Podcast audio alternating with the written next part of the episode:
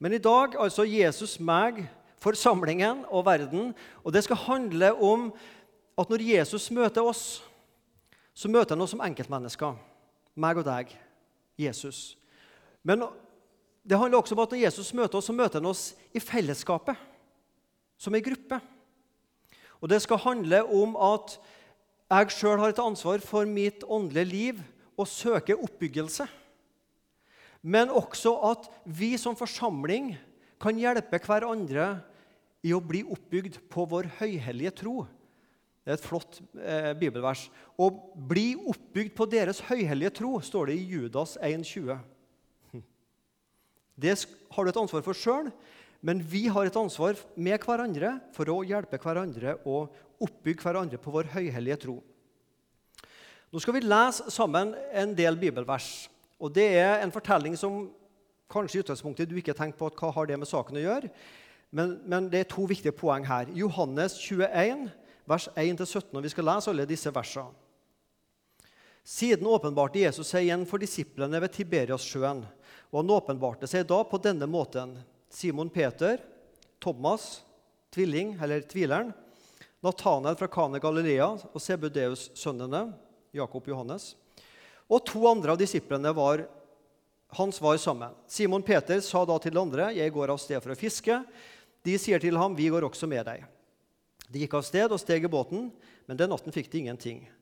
Da det alt led mot morgen, sto Jesus på stranden, men disiplene visste ikke at det var Jesus. Jesus sier da til dem, 'Barn, dere har vel ikke noe å spise til brødet?' Eh, de svarte ham nei. Han sa til dem, 'Kast garnet på høyre side av båten, så får dere fisk.' De kastet da garnet ut, og nå maktet de ikke å trekke det opp, for så mye fisk var det.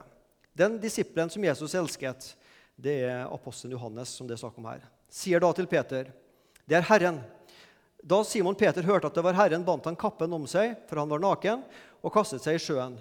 Men de andre disiplene kom etter i båten. De var ikke langt fra land, bare omkring 200 alen, og de slepte garnet med fisken etter seg. Da de var steget på land, så de en kullild der som det lå fisk på, og brød. Jesus sier da til dem, 'Kom hit med noe av fisken dere nå fikk.' Simon Peter gikk da om bord og dro garnet på land. Det var fullt av stor fisk, 153 stykker. Men enda det var så mange, hadde ikke garnet revnet. Jesus sier til dem, 'Kom og få dere morgenmat.' Men ingen av disiplene våget å spørre ham, 'Hvem er du?' For de visste at det var Herren. Altså, det, det, har jeg tenkt på. Hvorfor torde de ikke det? Altså, de visste det var Jesus, måtte de jo si 'Jesus, det er du', ja. ikke sant? Men det torde de altså ikke. Hm. De var ikke like tøffe alltid. Jesus kommer og tar brødet og gir dem, og likeså fisken. Dette var tredje gang Jesus åpenbarte seg for disiplene etter at han var reist opp fra de døde. Da de hadde holdt måltid, sier Jesus til Simon Peter.: Simon, Johannes' sønn, elsker du meg mer enn disse? Peter sier til ham, Ja, Herre, du vet jeg har deg kjær. Jesus sier til ham, Fø mine lam. Igjen sier Jesus til Peter for annen gang, Simon, Johannes' sønn, elsker du meg? Han sier til ham, Ja, Herre, du vet jeg har deg, har deg kjær. Han, Jesus sier til ham, Vokt mine får. Jesus sier for tredje gang til Peter, 'Simon Johannes' sønn, har du meg kjær?' Peter ble bedrøvet over at Jesus den tredje gangen sa til ham, 'Har du meg kjær?' Og han sier til Jesus, 'Herre, du vet alt. Du vet jeg har deg kjær.' Og Jesus sier til ham, 'Fø mine får'. Denne teksten har to viktige poeng som jeg allerede har toucha litt. Jesus møter oss ansikt til ansikt. Meg og Jesus, deg og Jesus. Sånn som han møter Peter som enkeltmenneske. Men Jesus møter også Peter sammen med de andre i fellesskapet. Sju disipler, Jesus, som sitter rundt leirbålet sammen og blir oppbygd sammen. Peter trong det personlige møtet med Jesus, men Peter trong også å være i et fellesskap med andre for å lære om Jesus.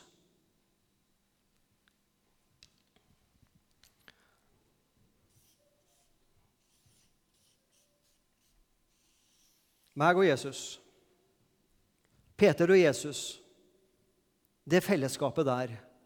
Når jeg med Jesus alene er, da er det hugna, ikke dugna, men da er det hugna å leve her. Ja? Og så Det er litt større.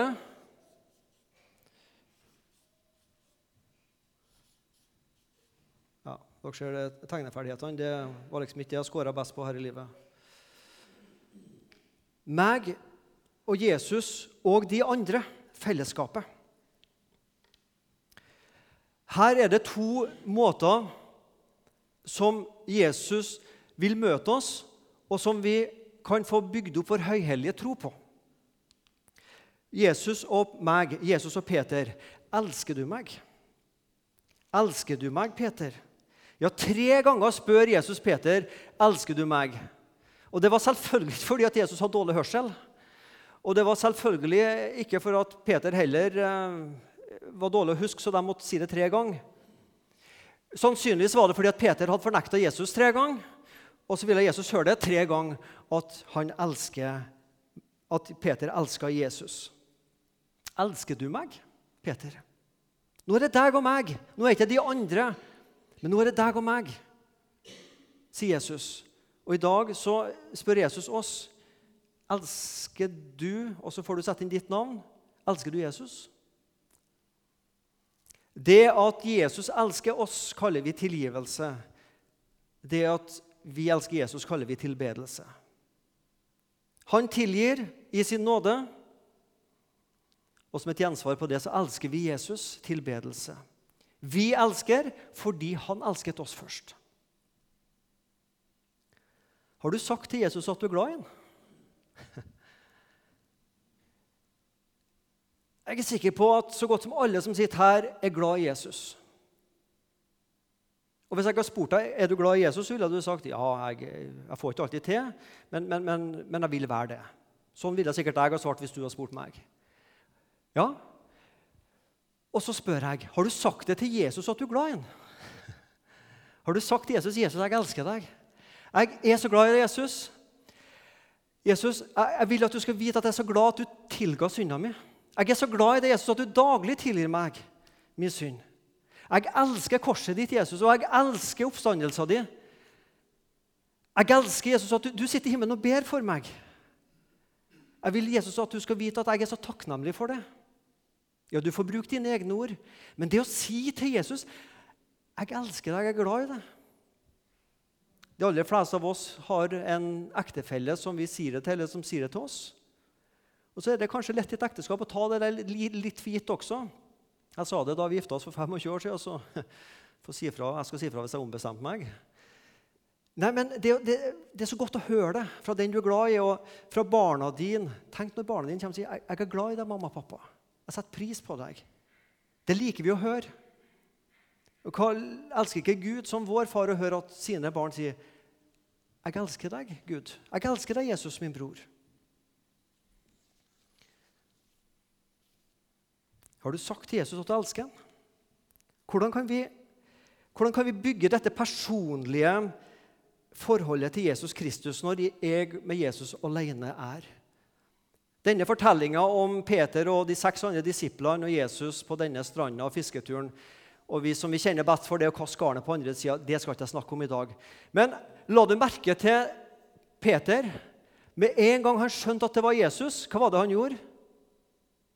Han kasta seg i sjøen og svømte i land. Jeg bare må til Jesus. Og var det jo en av disiplene som virkelig hadde grunn til å skjemmes litt og, og, og vente litt med å komme til Jesus, så måtte det jo være Peter, som hadde svikta Jesus. Men han, altså, det, det, var bare i hodet hans. Jeg må komme meg til Jesus. Jeg må være med Jesus når jeg og Jesus alene er. Jeg må forte meg før de andre, så jeg får litt alenetid med Jesus før de andre tregingene kommer etter i båten. Så han kasta seg og svømte fortere enn dem. Hvordan kan du og jeg være alene med Jesus i vår hverdag og pleie dette åndelige forholdet? Det handler om, Jeg har ikke noe sånn hokus pokus. Noe sånn, I dag så kommer det noe nytt som du aldri har hørt før. Men det, altså, vi må være der Gud serverer maten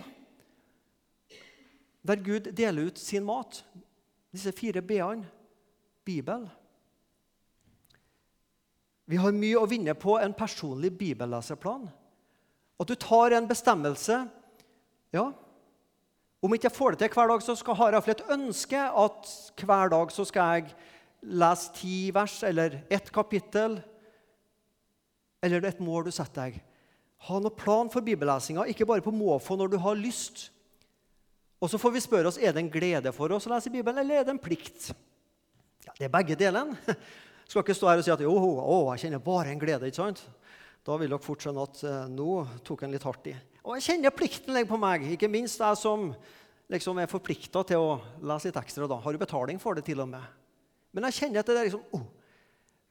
Men så leser jeg, og så kjenner jeg at oh, det, det, gjør så godt. Eller det er jo ikke alltid det gjør godt, da, for du kjenner at du blir avslørt av ordet.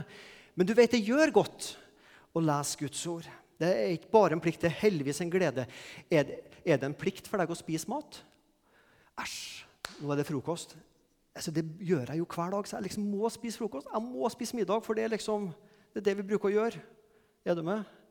Det er jo en glede. Og Gud serverer maten. Her er det. Jeg tror det handler om overbevisning. La oss nå si at en av dere eh, flytta til Oslo.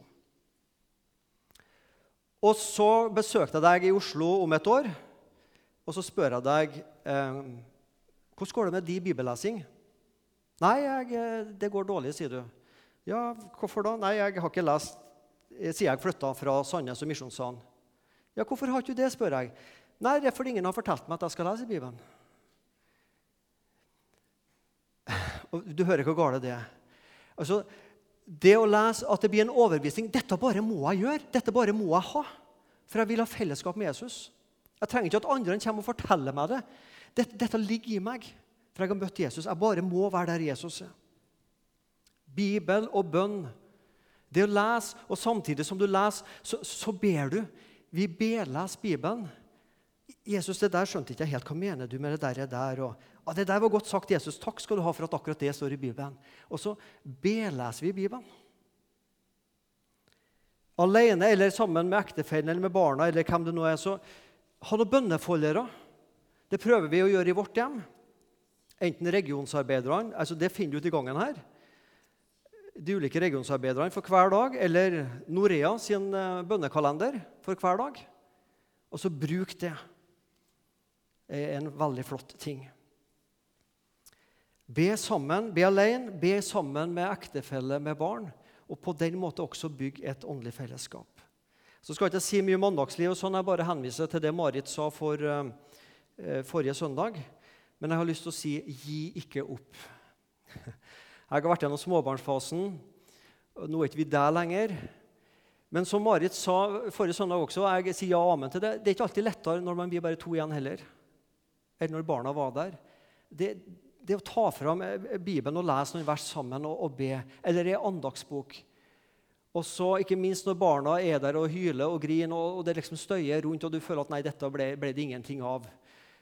Prøv igjen. Prøv igjen. Gi ikke opp.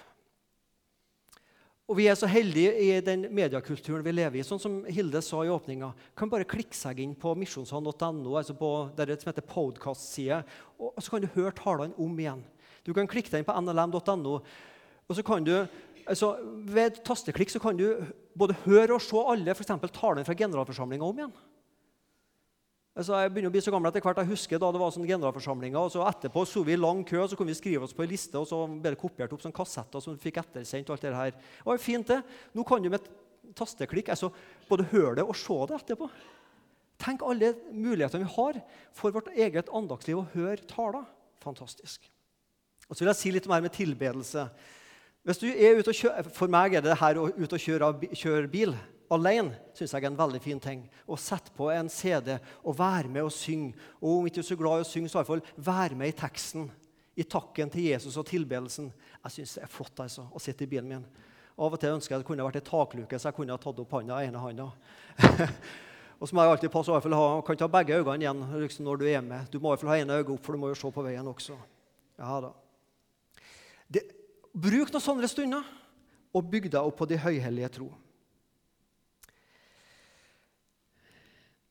Peter, elsker du meg? Elsker du meg mer enn disse? Har du undra deg litt over akkurat det der? Mer enn disse? Og Jeg har misforstått det ordet der i mange år. Jeg tror jeg var godt voksen før jeg egentlig skjønte hva det betydde. Nå skal du høre hva jeg trodde det betydde, og kanskje noen av dere tenker sånn. De sitter rundt leirbålet, Peter og disiplene, og så spør Jesus Peter Peter, elsker du meg mer enn disse. Og så I mitt hode da så er det Eh, elsker jeg Jesus mer enn Ivar elsker Jesus, og Elisabeth også, ikke sant?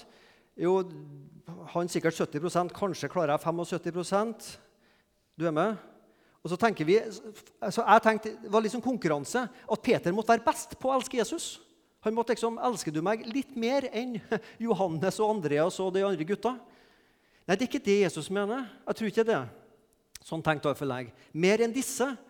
Altså, er du, Peter, er du mer glad i meg enn du er glad i, du er glad i disse andre disiplene? Ikke flinkere enn dem, men har du større kjærlighet til fellesskapet og andre mennesker enn du har til meg?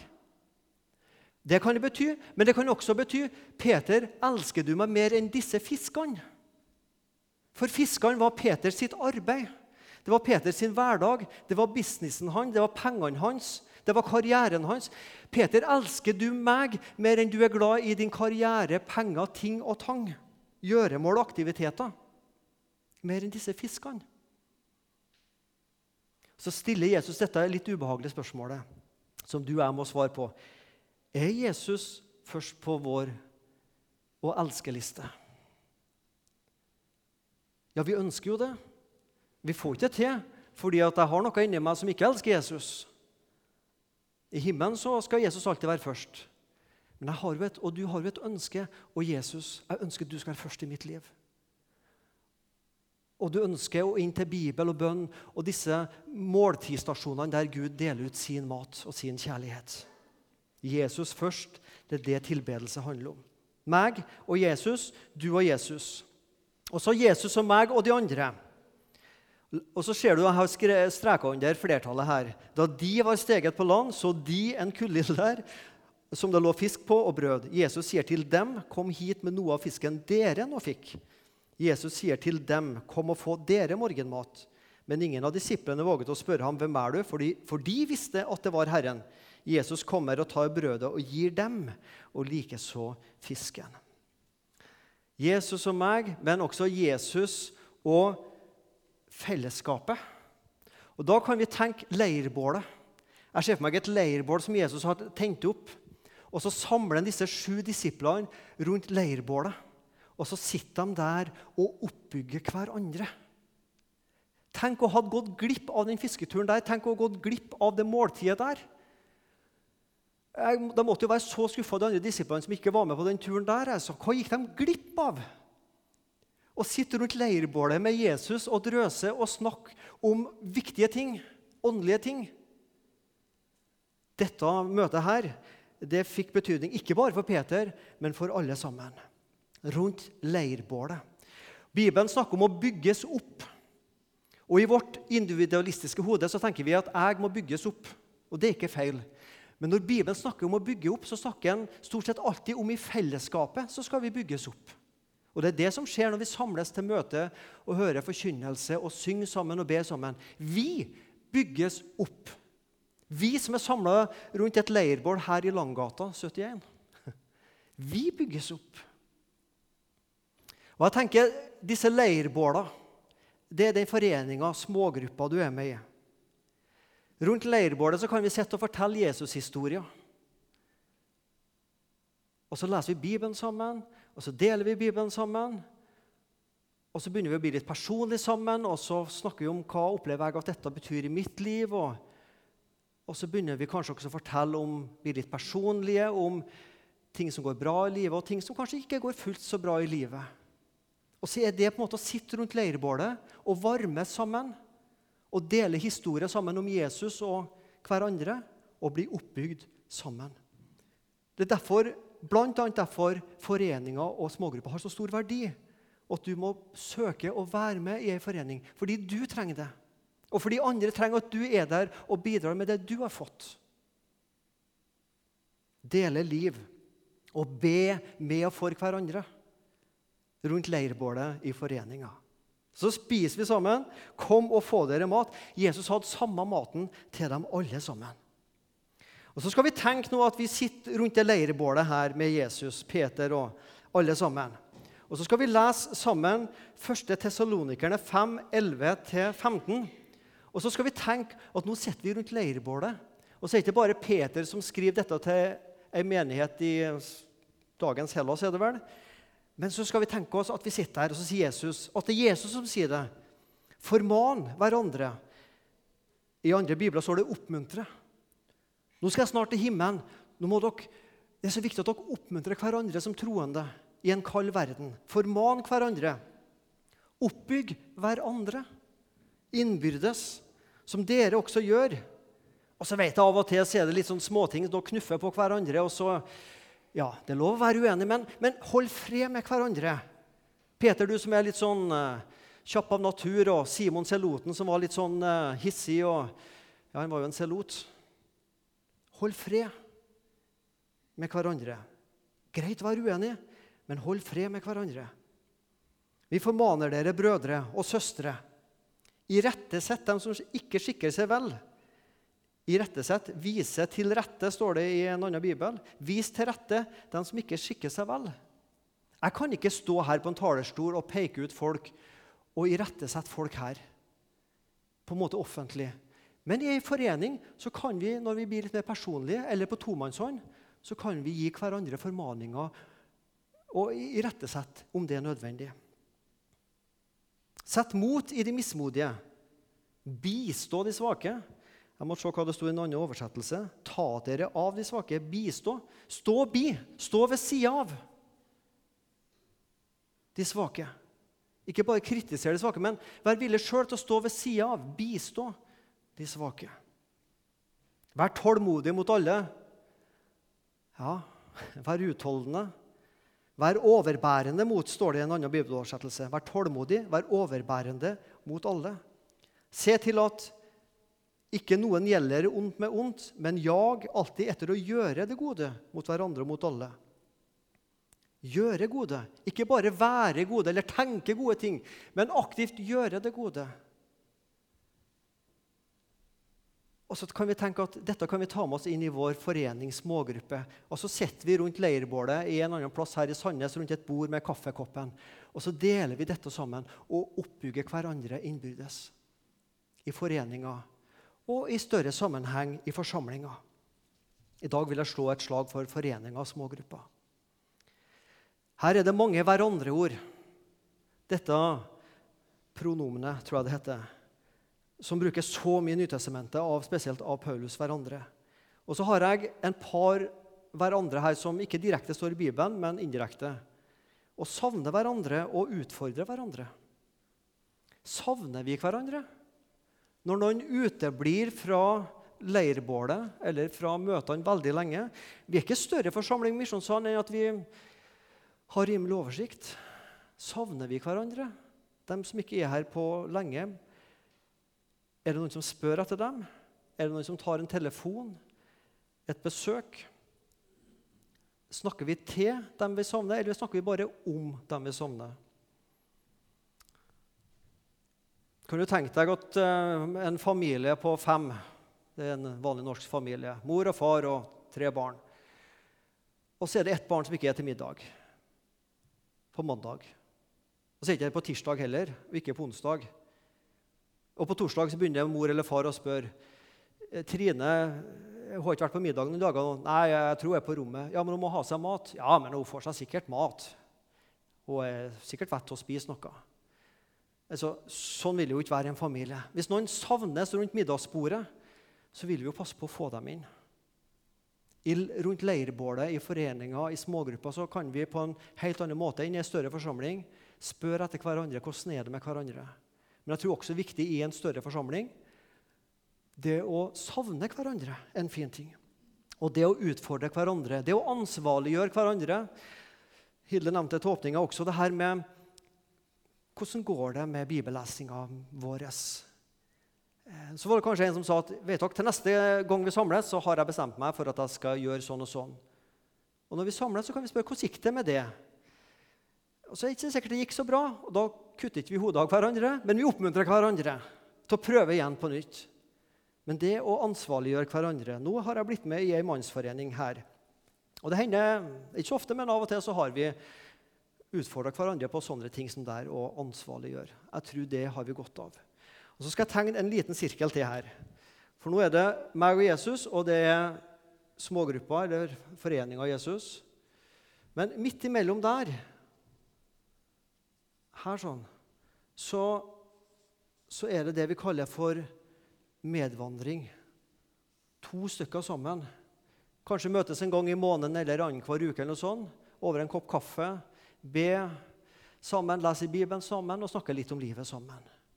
Og Det er akkurat det det skal handle om neste søndag, så det skal jeg ikke bruke tid på nå. Men jeg sier også som Hilde, kom tilbake neste søndag og hør, for jeg tror det er veldig viktig det som, det er veldig viktig det som skal snakkes om neste søndag. Medvandring. Og jeg vet det er flere her i Misjonssalen som møtes. Enten folk i samme livssituasjon, kanskje småbarnsforeldre, eller at det er en godt voksen og en yngre menneske som møtes til bønn og til Bibel. Veldig bra. Utfordre hverandre.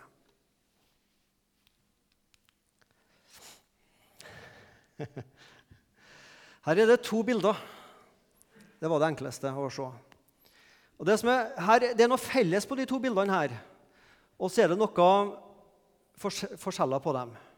For å starte med det som er likens. Det står Østerhus på trøya til veldig mange her. Og når det er Østerhus, så er det Så er det Sandnes Ulf. Trenger ikke å være så flau over det. Så er det Sandnes Ulf! Ja. Rykker de opp? Hvordan er det? Nei, Det er liksom litt spennende der når de rykker opp. Dette er altså, Øverst her så er det Sandnes Ulf. Eh, og nederst så er det Sandnes Ulf. Men eh, det som er forskjellen, at på nederste bilde så spiller de mot et lokalt, litt ubetydelig lag. Som ikke engang klarte å kvalifisere seg til cupfinalen. Fikk jeg sagt det også. Her spiller de mot Viking. Hva er forskjellen på disse to bildene her?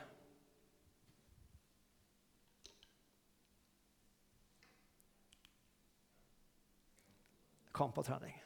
Det så dere. Her er det trening, og her er det kamp. Kamp mot Viking. Det har stort sett gått Vikings vei. Og så er det trening. Og Hvordan er det i fotballverden? Jo, det er trening fem, kanskje muligens seks dager i uka, for alt jeg vet. Jeg kom aldri på det nivået. Og så er det trening fem-seks dager i uka, og så er det kamp én dag i uka. På søndag. Da er det kamp. Og så, nå er mitt poeng her dette bildet med kamp og trening skal vi ta med oss inn i de troendes forsamling.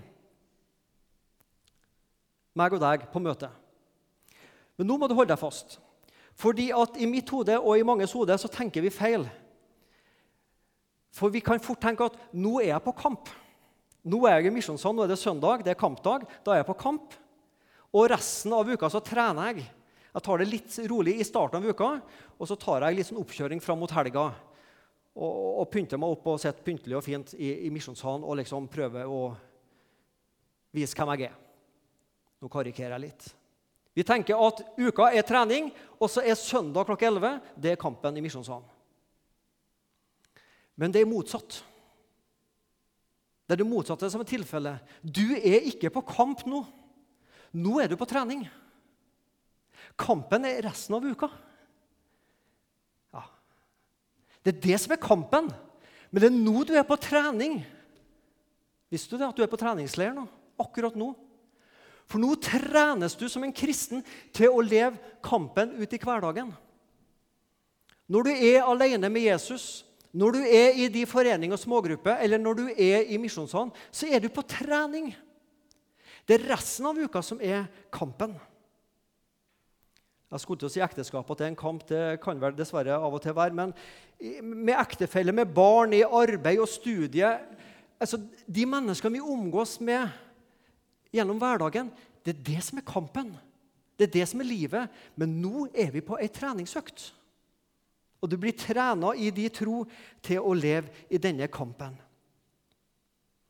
For det som skjer når vi samles til møte og høre forkynnelse, når du samles i forening og dere leser Bibelen sammen, og vi styrker hverandre, da blir vi sterkere i troa, i vårt kjærlighetsforhold til Jesus. Og vi lærer mer om hvem Jesus er, og hva han har gjort for oss. Og troa blir sterkere kanskje i tanken også. Og når vi er på treningsøkt sånn som vi er nå, så gjør det noe med våre holdninger til hverandre. Vi kan irritere oss på hverandre. Men så møter vi hverandre, og så klapper vi hverandre på skuldra, og så kjenner vi at vi er glad i hverandre. Og så er det en fotballegende som jeg ikke skal nevne navn på, som har sagt godfotteorien. Det er viktig å gå ut på banen og spille for sjøl å være god og gjøre det beste du kan. Men det viktigste er at du gjør de andre gode. At du er en hverandre-spiller. Ja. Når vi er i forsamlinga, så er vi her for hverandre, for å oppmuntre hverandre. Så godt å se deg. Ikke bare sånn påtatt 'Nice to see you', godt å se deg. Men vi virkelig mener det, for vi er glad i hverandre som søsken. Vi er på treningsøkt. Og så styrker vi vi-følelsen. De andre misjonshene støtter meg i mitt hverdagsliv som kristen. Jeg går ikke alene, men jeg har en menighet som er med meg og sammen med meg. Så kan jeg være stolt over å være på Jesuslaget.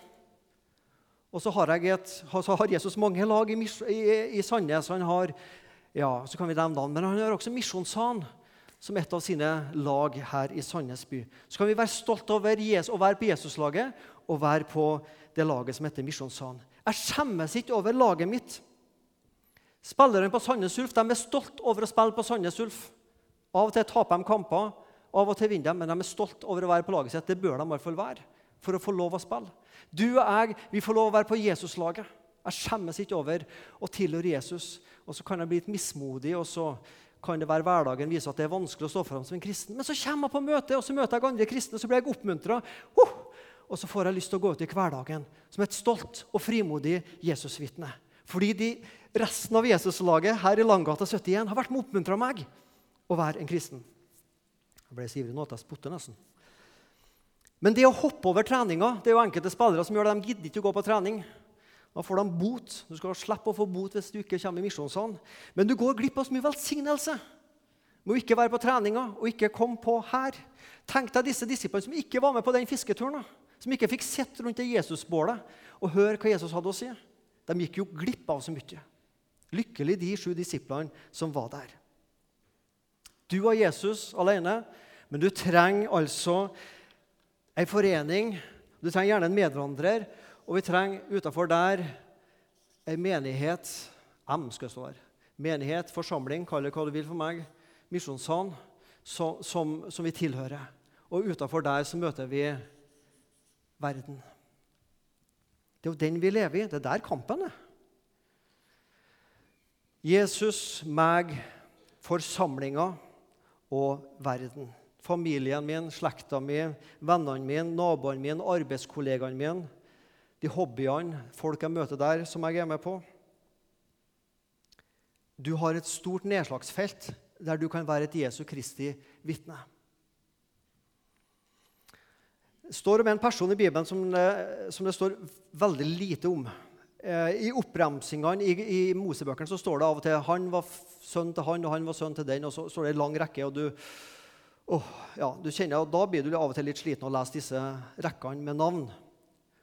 For du har ukjente navn, og du vet ikke hvem de er. Og så I en sånn opprekning en plass så står det om en som heter Han står bare der i fjerde Mosebok. Han heter Jabes. Hørt om han? Noen har hørt om han? Jabes. Og han ba i bønn. Jabes påkalte Israels gud og sa, Å, om du ville velsigne meg rikelig og utvide mitt landmerke, og la din hånd være med meg. Gjør meg fri fra ondt, så jeg blir uten smerte. Og Gud lot det komme som han hadde bedt om. Det er en som står om Jabes pluss det verset før hvem han var sønn til. og sånn. Om du ville velsigne meg rikelig og utvide mine landmerker. Jeg har et ønske om at Gud kan vise meg hvor mine landmerker, hvor jeg på en måte setter grenser rundt mitt liv. Min komfortsone og min kontrollsone. Og at jeg er villig til å gå litt utafor der at Gud vil ha meg videre ut, utvide mine landmerker. Tenk de menneskene du er i kontakt med i løpet av en uke. Kanskje ikke mange som studerer her, men, men altså på arbeidssted eller i, i ulike sosiale settinger du er med i. Gud kan utvide våre landmerker og landområder. At det merkes at vi er en kristig velduft for mennesker. At mennesker begynner å spørre hva, hva, hva er det med det mennesket. Så trenger ikke vi å briske oss med vår åndelighet, men jeg lever med Jesus. Jeg pleier mitt åndelige liv med Jesus. Jeg har sagt til Jesus at jeg er glad i han. Og jeg sier ikke bare fordi at jeg skal prøve å virke fram, men jeg er glad fordi han er glad i meg og har tilgitt meg, gjort meg til Guds barn og frelst meg. Og så hører jeg til et fellesskap. Og så gradvis kan Gud utvide våre landområder, slik at det merkes i den byen vi bor, at vi har med Jesus å gjøre. Herre Jesus Kristus, Takk for du behandler oss personlig, privat, meg og deg, Jesus. Og takk for uh, du tok til meg når det er nødvendig, og så trøster du meg. Og takk for du gir meg ditt ord, og du gir meg deg sjøl. Tilgi meg at jeg uh, forsømmer å være der du deler ut mat. At ikke jeg alltid er rundt leirbålet eller der du deler ut ditt ord. Men takk, Jesus, for jeg har en forsamling å gå i, og vi oppmuntrer hverandre Jesus, og vi er hverandre kristne for å være frimodige kristne i, overfor de menneskene, de kampene vi står over i hverdagen, Herre Jesus Kristus. Velsign oss i det, slik at det ikke er Misjonssalen sitt landområde, men at ditt landområde i Sandnes må nå enda lenger ut. Nye arbeidsplasser, nye studiesteder, nye sosiale settinger. Så er det mennesker som kommer i berøring med deg, Jesus, fordi at de kommer i berøring med folk som er tent i brann av deg, Jesus. Sånne som oss. Jeg ber om at de må få være sånn en. Amen.